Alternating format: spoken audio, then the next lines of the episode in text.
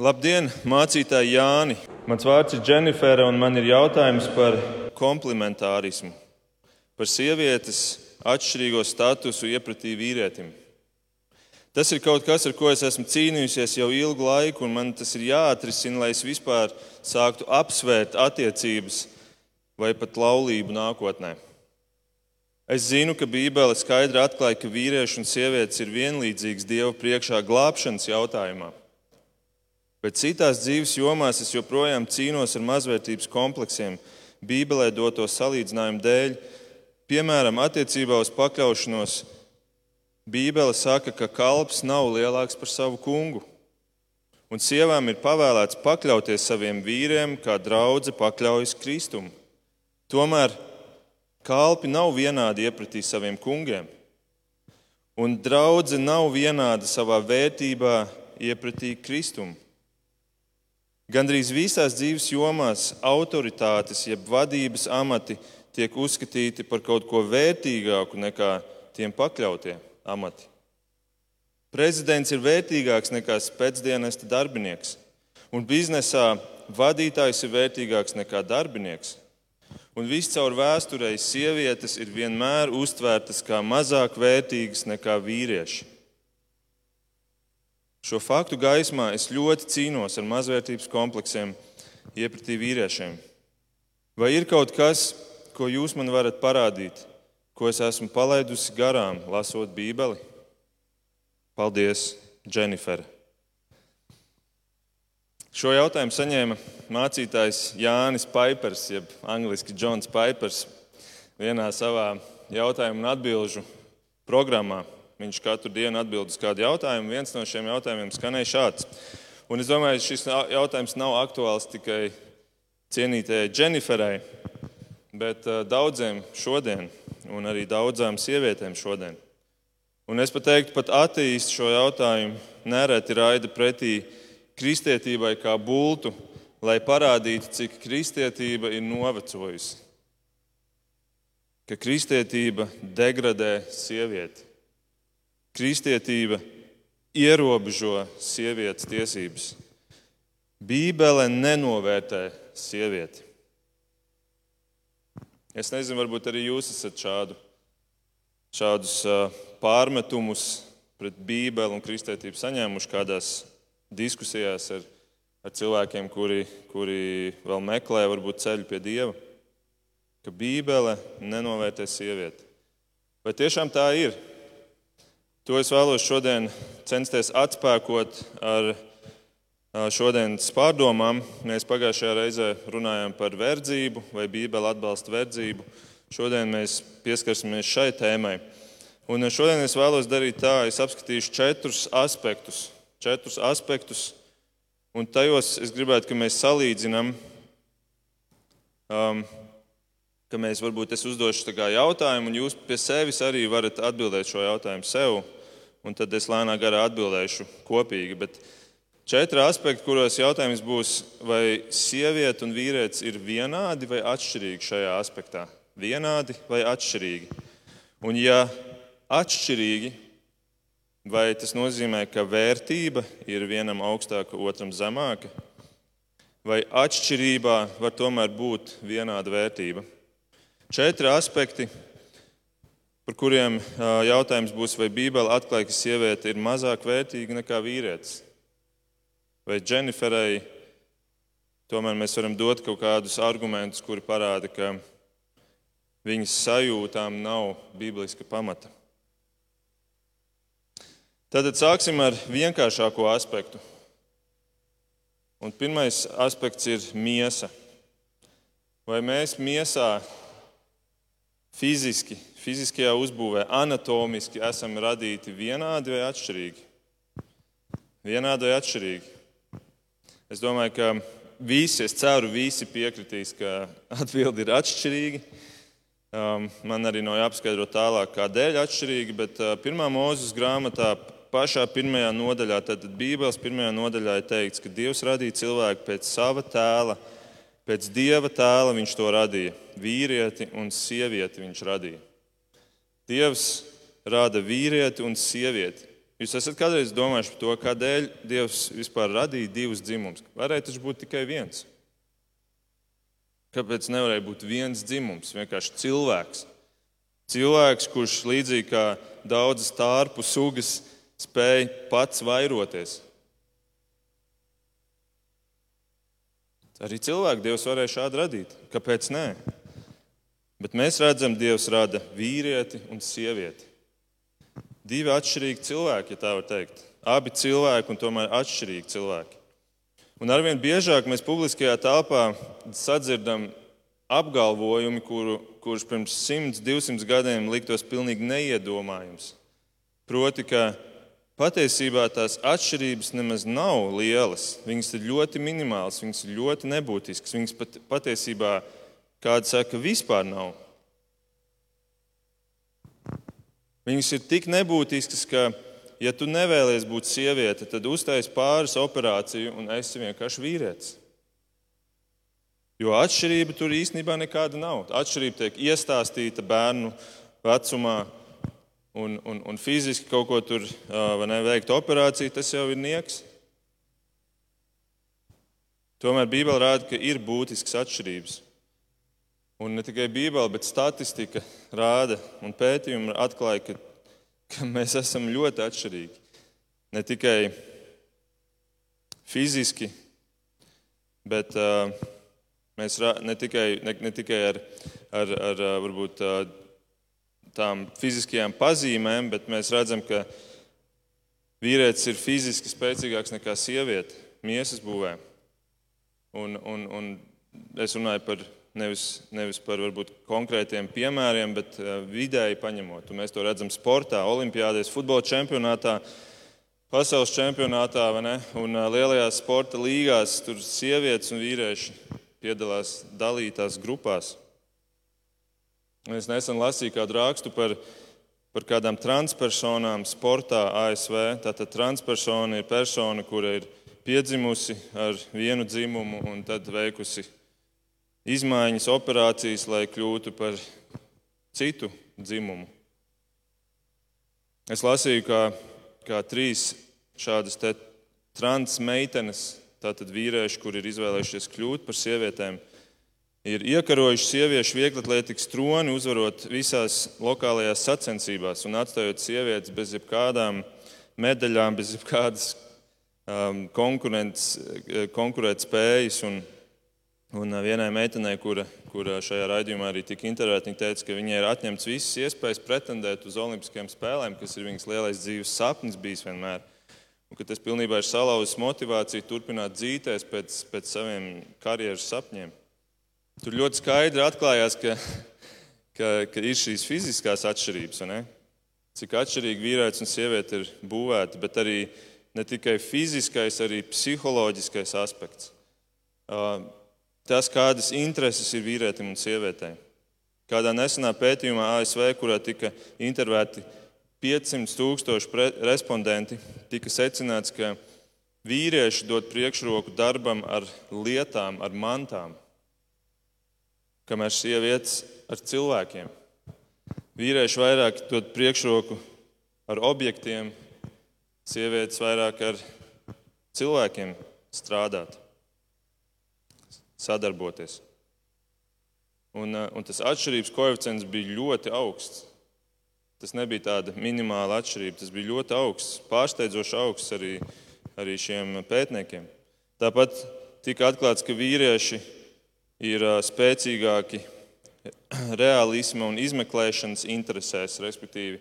Um, Viņiem šī nozare ir, ir, aktuālāka, savukārt sievietes ir spēcīgākas mākslas un sociālās interesēs. Es pats esmu Mākslas akadēmijā pasniedzējis bet, bet manās grupās ir ļoti milzīgi, ļoti, ļoti liels pārsvars sievietēm. Ļoti liels pārsvars. Jā, īsumā sakot, sievietes un vīrieši ir būtiski atšķirīgi, ir bū, būvēti atšķirīgi. Un, ja mēs sakam, vai Bībele nenovērtē sievieti, jo lūk, sieviete ir būvēta vājāka, tad mēs varam teikt, nē, tad spēks jau nav vienīgais kritērijs, pēc kā mēs vērtējam. Mēs varētu vērtēt pēc kritērijas skaistums, sievietes noteikti uzvarētu. Pēc uh, kritērija, kurš ir spējīgs dzemdēt bērnus, tur vispār būtu sagrāvi uzvaras sausā. Un tas ir tikai kritērija jautājums. Un šis Džons Paipers arī atbildot šeit Dženiferai, saka ļoti interesantu domu. Viņš saka, ja Dievs izveidotu sārakstu ar sievietes priekšrocībām un trūkumiem, un vīriešu priekšrocībām un trūkumiem, un katram pievienotu relatīvu vērtību, katrai šai priekšrocībai un šiem, katram šim trūkumam, varētu teikt, pierakstīt klāt punktus, tad katras kolonas apakšā būtu vienāda kopsumma vīrietim un sievietei. To, protams, nevar pierādīt, to nevar objektīvi pierādīt, bet, bet mēs ticam, ja Dievs ir radījis vīrieti un sievieti vienādus, tad, tad uh, abiem ir dota šī, šī vērtība un, un katram vienkārši savās nozarēs. Atšķirīgi radīt, tomēr vienādi vērtīgi un spējīgi. Kaut arī miesā mēs esam atšķirīgi, tomēr Bībele nenovērtē sievieti zemāk. Un mēs arī ar sievu abi lasām Bībeli un, un nejūtamies, ka viens no mums būtu kopumā pārāks par otru. Vienā jomā es esmu spējīgāks, un daudzās citās jomās mana sieva ir spējīgāka. Un es ticu, ka kopumā, kopumā mēs, esam, mēs esam vienādi. Otrais aspekts. Tad pirmais bija miesā. Otrais aspekts. Kā ir ar garu? Kā ir ar garu? Vīrieši, sievietes vienādi vai atšķirīgi? Vienādi vai atšķirīgi? Tajā pašā pantā mēs lasījām, ka Dievs radīja cilvēku pēc sava tēla pēc dieva tēla viņš to radīja vīrieti un sievieti. Ja tas ir dieva tēls un dieva tēls ir viens, tad mēs varam teikt droši, ka mēs abi, vīrieši un sievietes, esam vienādi pēc gara kritērijiem. Galtiešiem 3,28, kurus lasīja ievadā, tur mēs dzirdējām, tur nav ne jūda, ne grieķa, tur nav ne verga, ne brīvā, tur nav ne vīrieša, ne sievietes. Jūs visi esat viens Jēzu Kristu. Cilvēkam garam nav ne nacionālitātes, ne sociāla statusa, ne dzimuma. Visi esam vienādi. Un te mēs varam teikt, jā, te mēs skaidri redzam šo vienlīdzību. Un es domāju, ka, ka Dženifera jau arī minēja, ne, ka, ka viņi saprot, ka jā, šajā jautājumā viss ir, viss ir skaidrs. Tātad glābšana visiem ir vienāda. Garā sieviete un vīrietis ir vienlīdzīgi. Un ir vēl viens interesants pants, kas to apstiprina. 1. korintiešiem 11, 11. Tur ir teikts, kungā nec sieva bez vīra ir kaut kas, nec vīrs bez sievas. Redziet, kā mēs esam saslēgti kopā. Dieva acīs nec sieva bez vīra ir kaut kas, nec vīrs bez sievas. Bībele novērtē sievietes tieši tikpat augstu kā vīriešus, ja mēs skatāmies pēc, arī pēc šī gara aspekta. Trešais aspekts, kopā būs četri. Trešais. Kā ir ar lomām? Kā ir ar lomām? Lomas vienādas vai atšķirīgas sievietei un vīrietim? Ir divas kustības, kuras, kuras šajā jautājumā, varētu teikt, cīnās viena ar otru ar argumentiem. Ir egalitārisms. Egalitārismu piekritēji saka, ka jā, lomas ir abiem vienādas, vajadzētu būt vienādām, jo lomas nosaka cilvēka kompetence, nevis dzimums. Tātad egalitārismu piekritēji saka, ka nav nekas tāds, kas vīrietim vai sievietei ir labāks Bet vienkārši katram cilvēkam ir savas individuālās kompetences, un pēc tām ir jāvērtē. Otra puse ir komplementārisms, jeb komplementārisma piekritēji, kur saka, ka nē, nē, nē, lomas ir atšķirīgas. Jo tās Dievs ir noteicis, un tāpēc loma ir piesaistīta dzimumam, nevis kompetencei. Kādos jautājumos loma ir piesaistīta vienkārši tīri dzimuma jautājumam. Tātad egalitārisms un komplementārisms. 1. korintiešiem 13, 34 teikts, sievas, lai draudzē klusē, jo viņām nav ļauts runāt, bet lai viņas paliek bauslības noteiktajā paklausībā. Vēstulē Tītam 1.6 teikts, presbiteriem ir jābūt nevainojamiem vienas sievas vīriem. 1. Timotejam 3.2 teikts, bīskapam ir jābūt bez vainas vienas sievas vīram. Daži panti, kuri skaidri parāda, ka Bībele kaut kādas robežas tomēr novelk. Kaut kādas robežas tomēr tiek ievilktas. Ja tu gribi kļūt par sludinātāju, vai par bīskapu, vai par presbiteri, kas ir vecais, draugs vadītājs, tev ir jābūt vienas sievas vīram. Ja tu esi sieviete, būs grūti būt vienas sievas vīram, vai ne? Diezgan neiespējami. Tāpēc mums ir jāatzīst, ka mēs redzam, Dievs ir kaut kādas robežas novilcis, kaut kādus ierobežojumus uzlicis. Sludinātāji, jeb mācītāji, presbiteri, jeb vecāki bīskapi var būt tikai vīrieši, tā saka Bībele. Vēl vairāk, 1. Timotejam 2.12. ir teikts, es neļauju sievai vīru mācīt un valdīt pār vīru, bet tai ir jāpaliek mierā. Ļoti eksplozīvs pants šodienas kontekstā. Daži, dažiem cilvēkiem iespējams šī panta dēļ vien tiek uzspridzināta visa uzticība Bībelē. Bet te mēs redzam, tas, tas ko Bībele saka, tātad arī ģimenē nav vienlīdzīgas lomas. Vīrietim, mēs varētu teikt, vīrietis ir ģimenes galva. Un Pāvils sniedz pamatojumu, vai mēs varētu teikt, vai viņš to balsta, šo pamatojumu balsta sociālajā statusā, kāds bija to dienas sievietei.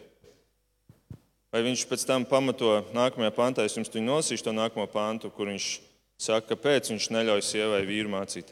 Vai viņš to pamato sociālā statusā, nu vienkārši to dienu tā bija, un tāpēc turpināsim šo tradīciju?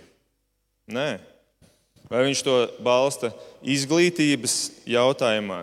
Nu, sievietes to dienu nemācīja lasīt, viņas netika mācītas, nu, tāpēc labāk, labāk nevajag arī viņām ļaut pārkāpt šo robežu. Arī nē. Ja šie abi būtu iemesli, tad tad mēs varētu piekrist egalitāris, egalitārismu piekritējiem un teikt, ka jā, tās, šīs divas lietas ir mainījušās laikam ejot. Šodien ir situācija citādāka. Sievietes ir izglītotākas un daudz gudrākas daudzos jautājumos nekā vīrieši. Sociālais status ir mainījies? Un, un, un līdz ar to šie kriteriji tiktu atcelti. Mēs varētu teikt, jā, mēs piekrītam, ka mēs atceļam viņus. Un sievietes varētu sludināt draudzēs un būt ģimenes galvas. Tomēr Pāvils nosauc nemaināmu, neaizsniedzamu iemeslu, kāpēc ir šāda kārtība.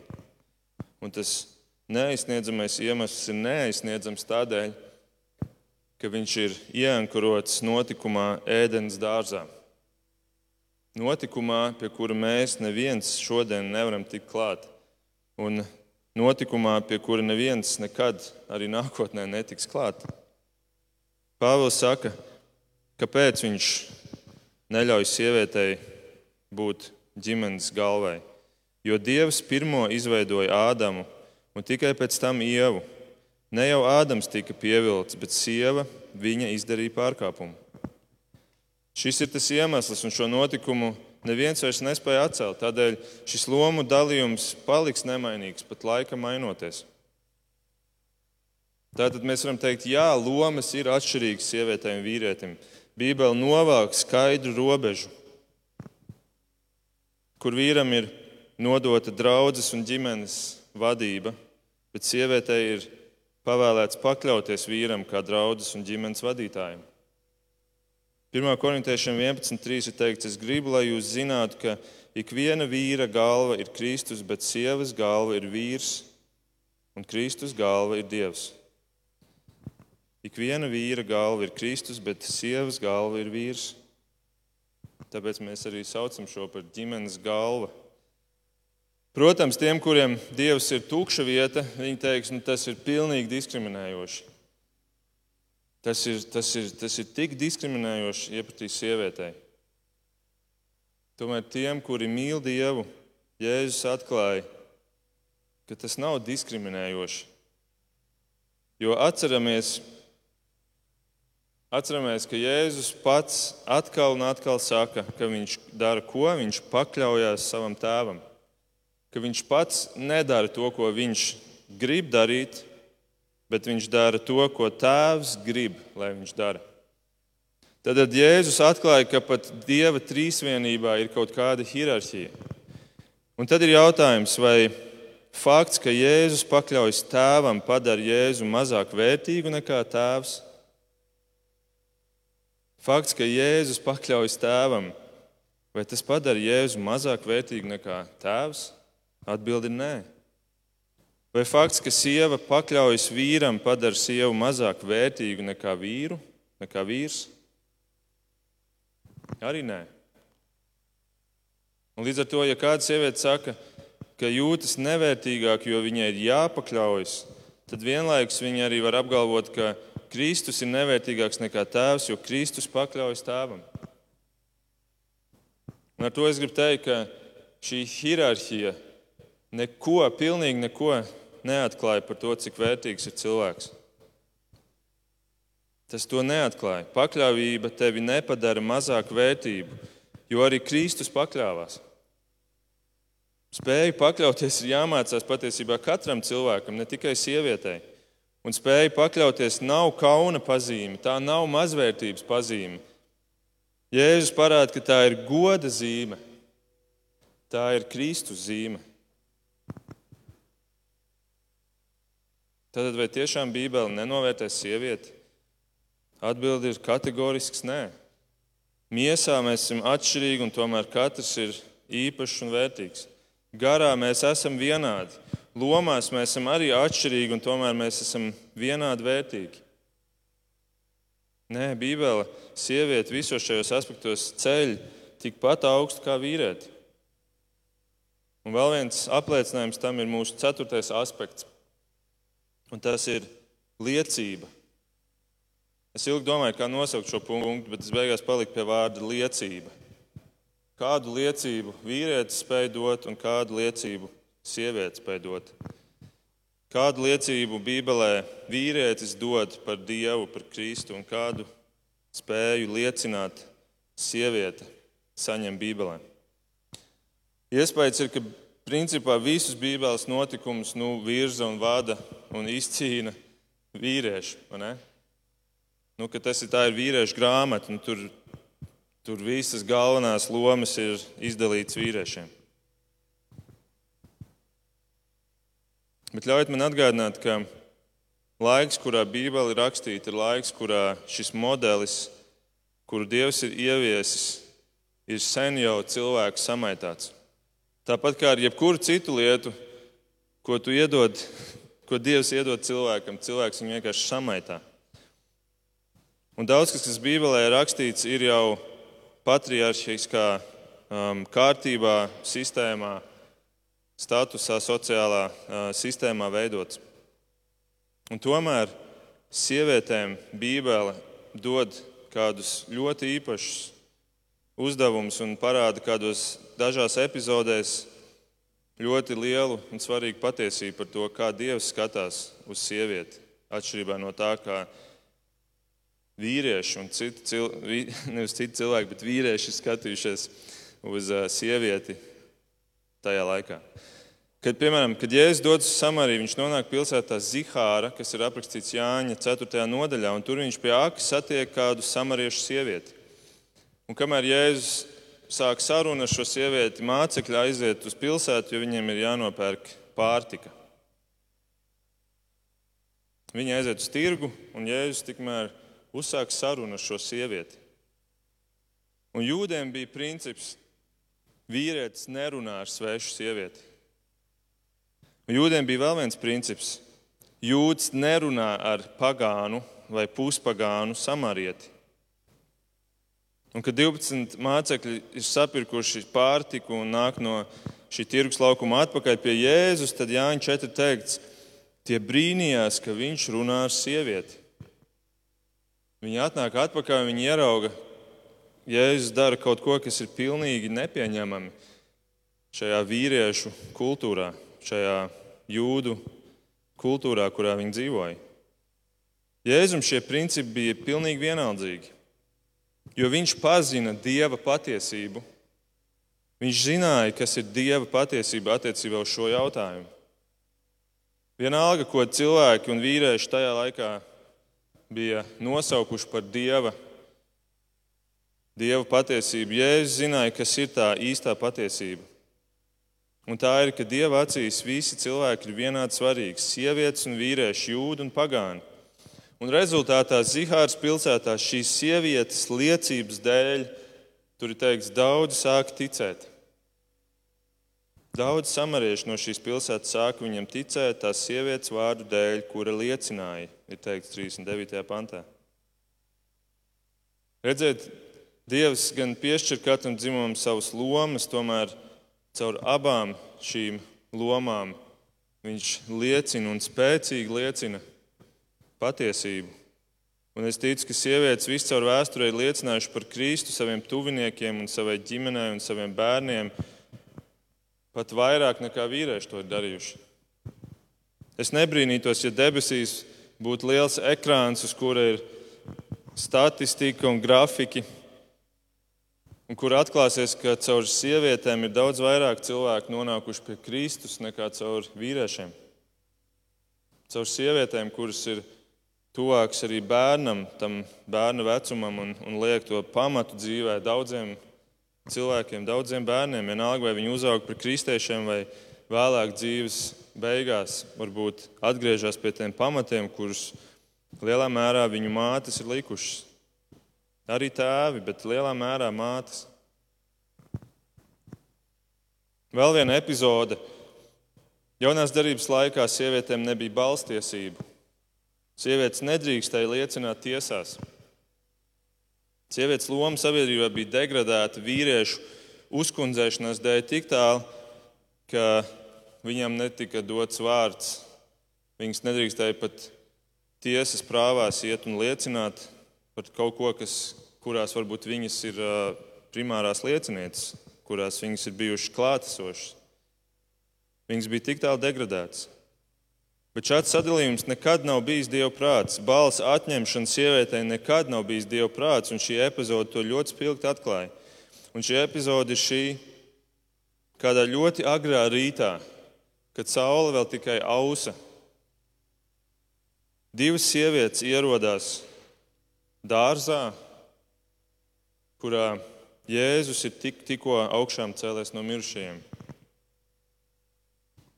Primārās liecinieces, kuras Bībele dod šim notikumam, ir divas sievietes. Divas sievietes ir tās, kuras apliecina ar savu liecību jauno laikmetu, jauno Kristus, augšām celtā Kristus laikmetu, kas ir visa jaunā derība.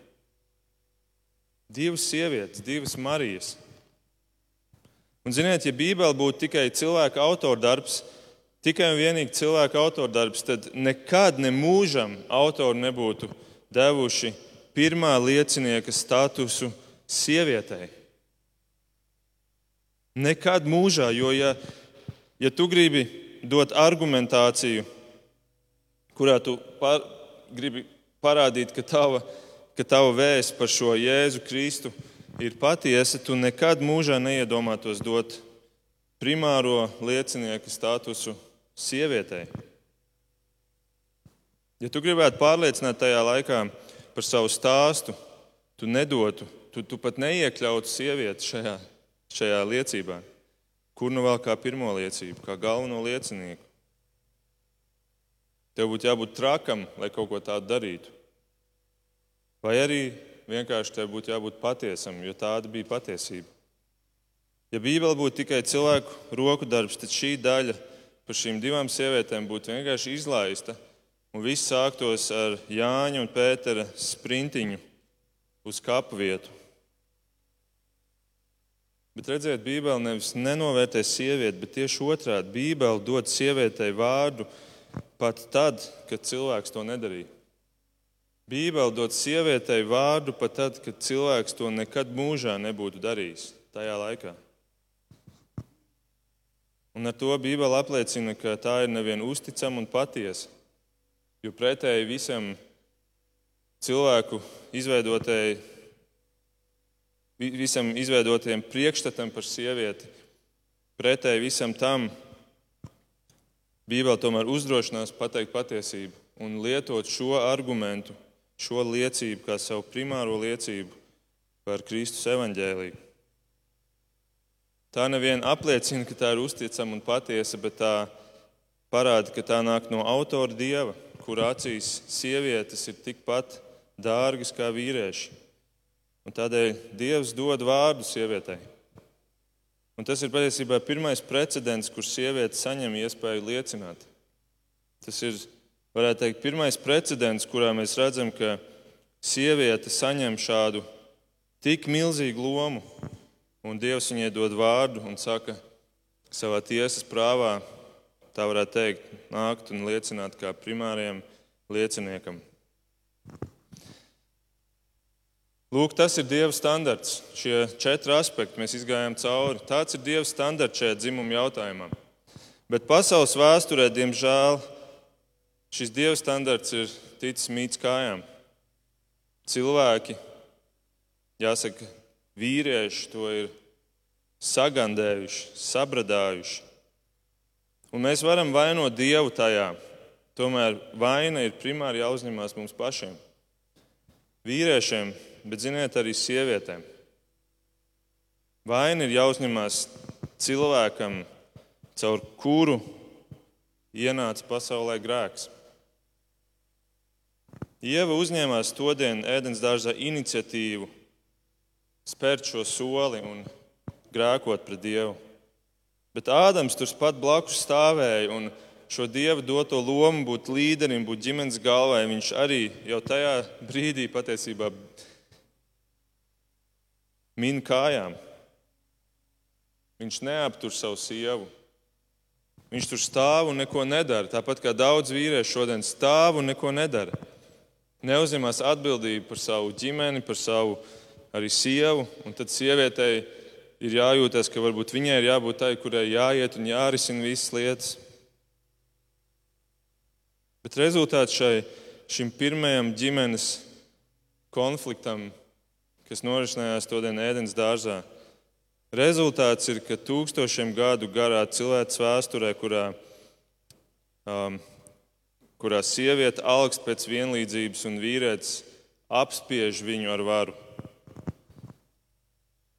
Ka šī visa tūkstošiem gadu garā cilvēks vēsture ir pilna ar grēku, un tas viss ir grēka sekas. Sieviete augst pēc vienlīdzības, bet vīrietis apspiež to ar varu. Un tas ir tieši tas, ko grēks dara. Pirmā mūzes trešajā nodaļā, kur ir aprakstīts viss šis grēkā krišanas gadījums, tur tieši tas ir pateikts. Dievs saka, ievai, viņš saka, savu vīru tu kārosi, bet viņš valdīs par tevi. Tajā brīdī, kad notika šī grēkā krišana, tad ar to sākās viss tas, kas šodien iet jau tūkstošiem gadu. Savu vīru tu kārosi, bet viņš valdīs par tevi. Savu vīru lomu, kuru Dievs ir iedevis vīram, tu kāros, bet viņš valdīs par tevi un valdīs ar grēku. Tu kārosi, un tas būs grēks, un viņš valdīs par tevi un to darīs arī ar grēku. Grēku pilnā veidā. Un šis liktenīgais sievietes ievas solis pārkāp dieva robežas, un šis liktenīgais vīrieša Ādams solis izmest miskastē savu līderu lomu, kur Dievs viņam ir devis, un apturēt ievu tas rezultējas tieši pretstatā. Sieviete nu grib uzņemties līderu lomu, un vīrietis valda pār viņu. Un tāpēc pasaules vēsture ir tik pilna, un šodien ir nekristīgajā, tīpaši nekristīgajā pasaules daļā, kur valda islāms un budisms, tas ir vienkārši vājprāts, kādā statusā ir sieviete, kur, kur neretas meitenītes pēc piedzimšanas tiek vienkārši nogalināts, izmests ārā, jo redz, mēs gaidījām dēlu, kurš ir vērtīgāks, kurš nesīs mūsu ģimenes um, asins līniju un ne, tālāk. Un, ja nenogalina, nu, tad ļauj dzīvot uh, tādā veidā, kurā tu lēnām tiec nogalināta, apspiežot, fiziski ietekmējot, ierobežojot tavas tiesības, seksuāli izmantojot un tā tālāk, un tā joprojām. Un tas ir ārprāts. Tas ir ārprāts, cik zemā loma sievietēm daudz kur pasaulē šodien ir. Kristīgajā pasaulē situācija ir labāka, jo dieva standarti ir kaut kādā veidā iedzīvināti, tomēr grēka dēļ tikai nepilnīgi iedzīvināti. Un arī šeit ir redzams, kas notiek, ja, ja, ja cilvēkam, vīrietim, tiek iedota vara viņa rokās, un ka viņš nemāca ar to apieties. Un šīs pasaules cilvēks gaita un, un vēsture un rezultāts ir, ir Rezultāts tam, ka cilvēks nemāķi apieties ar varu, kas viņam tiek iedot rokās. Vīrietis nav mācījis to apieties. Bet, diemžēl, tas pats notiek arī ar sievieti. Tu viņai iedod varu, un tad tu brīnies.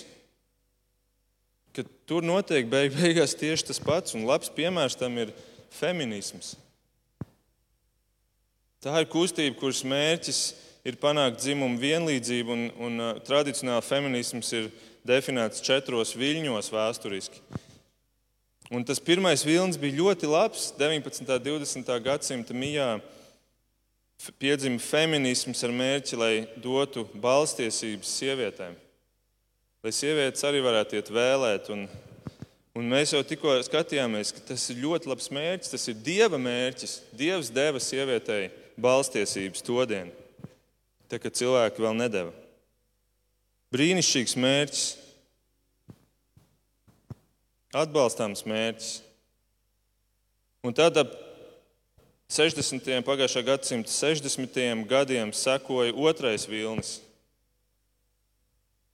Un tur šis feminisms centās juridisks un sociāls tiesības dot sievietei, mēģināt panākt juridisku vienlīdzību un sociālu vienlīdzību sievietēm. Un tur jau sāka viss iet jau mazliet greizi un tika ielikt pamatu tam, kas notiek šodien. Es šonadēļ Facebookā redzēju tādu, tādu citātu vai um, faktu.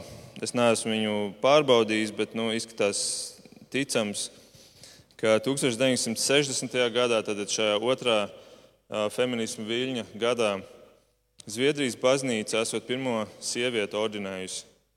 Un šodien, 60 gadus vēlāk, sievietes veido jau 50,1% no visiem priesteriem, kas ir pirmā reize Zviedrijas baznīcas vēsturē.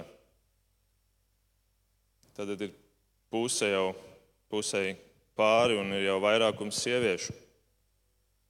Un tad 92. gadā uzvēlējās trešais vilnis, kurā nu jau feminisms atklāti runāja, kas ir tie mērķi. Un, citējot vienu rakstu, um, ir teikts, ka trešā viļņa feminists iestājas par sievietes lomas, dzimuma, skaistuma, seksualitātes, femini, feminitātes, maskulinitātes un citu ideju apšaubīšanu un pārdefinēšanu. Un tas viss bija no postmodernisma kustības akadēmiskajā pasaulē ietekmēts. Akadēmiskā pasaule sāk arī par šo runāt. Un, un kas aizsākās, tas, ko es gribu teikt, kas aizsākās kā apsveicama iniciatīva, kurš šķīta nu, super velkam cilvēci atpakaļ uz dieva nos, nospraustajām robežām. Beig beigās izrādās, ka šīs robežas tiek brutāli pāršķērsotas un kā buldozers viss šī kustība brauc pretī otram grāvim, šķērsojot citas dieva robežas. Bēgot no vilka, tu ieskrien lācim mutē un Un, un tur tiek grauta šī dieva dotā hierarhija draudzēs un ģimenēs. Un tas ir tas, kas šodien notiek. Un feminisma ceturtais vilnis ir 12. gadā uzsāktā MeToo kampaņa, kas arī ir apsveicama. Super, ka, ka, ka, ka, ka tiek cilāts arī šis jautājums. Bet jautājums ir, kas slēpjas aiz tā dziļāk. Un lūk, ne tikai vīrieši nemāk turēt vāru savās rokās, bet arī daudzas, bet arī, arī sievietēm tas ir izaicinoši. Un tas viss ir grēka dēļ. Un līdz ar to pret dzimumu nevienlīdzību nebūs efektīva kāda ārēja politiska vai juridiska vai sociāla cīņa, jo tā vispirms ir garīga problēma. Grēks ir šī garīgā problēma, un tāpēc ir interesanti sakritība, ka tā, tas pants, 1. mūzes 3.16, kurā Dievs saka sievietei, ka tu dzemdēsi dēlus sāpēs un iekārosi savu vīra lomu, ka Dievs vēlāk pretī noliek vēl vienu 3.16 pāntu, kur jūs ļoti labi zināt. Jāņa 3.16, kurā ir teikts, ka Dievs ir devis dēlu arī sāpēs, jo viņš ir nodevis viņu nāvei. Bet viņš to nodevis nāvei tādēļ, ka viņš tik ļoti mīl pasauli un arī sievieti un vīrieti, cilvēci. Viņš ir nodevis savu dēlu sāpēs, caur sāpēm nāvē, lai atbrīvotu cilvēku no šīs grēka samaitātības. Un tikai caur Jēzus Kristus asinīm un šo upuri tā cīņa var tikt uzvarēta pa īstam.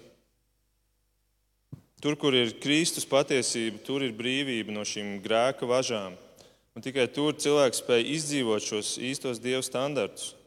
Un tur ir iespējama laulība, kurā ir, kurā ir miedarbība starp vīrieti un sievieti, katram savā dievu dotajā lomā, bet ar patiesu mieru un, un prieku un patiesību. Protams, mēs turpinām krist grēkā, jo mēs dzīvojam joprojām savā grēcīgajā miesā, bet, bet arī piedošana ir daļa no šīs miedarbības. Piedošana, kur Kristus ir atnesis un parādījis, un tas ir tas, kas, kas spēj lāpīt šīs attiecības arī tad, kad ir bijis konflikts. Un to spēj, to nespēja neviena laicīga un pasaulība kustība, ne feminisms, nekas cits. To spēja tikai un vienīgi kustība, kur sauc Jēzus Kristus evaņģēlijas, Jēzus Kristus patiesība, Jēzus Kristus asins upurs. Tātad Bībele neatbalsta sievieti. Man atbild ir nē, tas ir mīts. Bībele ne tikai atbalsta, bet tā rāda ceļu uz patiesu vienlīdzību, kur atklājas miesā un garā lomās un liecībā. Un atgriežoties pie mūsu Dženifers, mēs varam teikt, Zini, Dženifer, darbinieks var gan būt vērtīgāks par savu uzņēmumu vadītāju. Daudz tādu ir. Spēcdienas aģents var būt gudrāks par savu prezidentu. Kalps var būt augstāks par savu kungu. Ne autoritātē, ne pakāpē, bet gudrībā, garīgajā pakāpē, paklausībā Dievam. Un tās ir tās īstās pakāpes, kuras, kuras paliks mūžīgi, kuras ir svarīgākas par to laicīgo autoritāti, kur ir tik īslaicīga.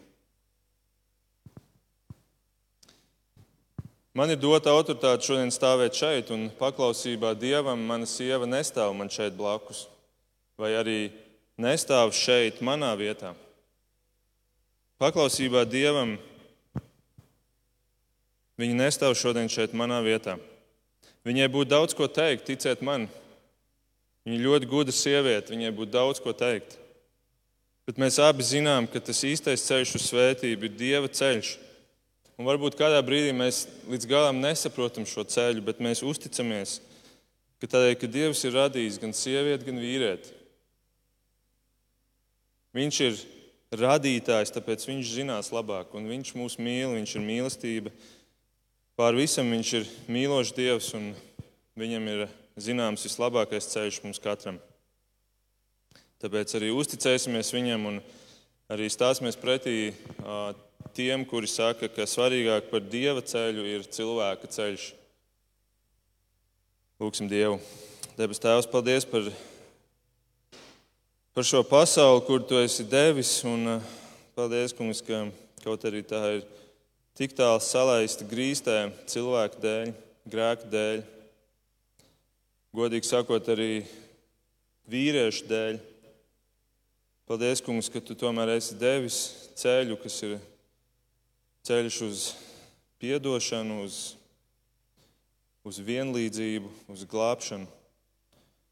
Un paldies, Kungs, ka katrs, kurš šajā dzīvē ir saņēmis daudz, arī no tā tiks arī atprasīts daudz. Katrs nesīs atbildību par to, ko viņš ir darījis šajā dzīvē. Bet paldies, Kungs, ka Tavās acīs mēs visi esam vienādi vērtīgi. Mēs esam tik augstu celti. Un lūdzu, dod mums gudrību pastāvēt šajā laikmatā, turoties pie tavām robežām, kuras tu esi noteicis, paklausot tev, mīlot tevi un arī uzticoties tev, ka tu zini vislabāk un ka tu mīli mūs. Lūdzu, svētī mūsu šo, un to mēs lūdzam Jēzus vārdā. Amen.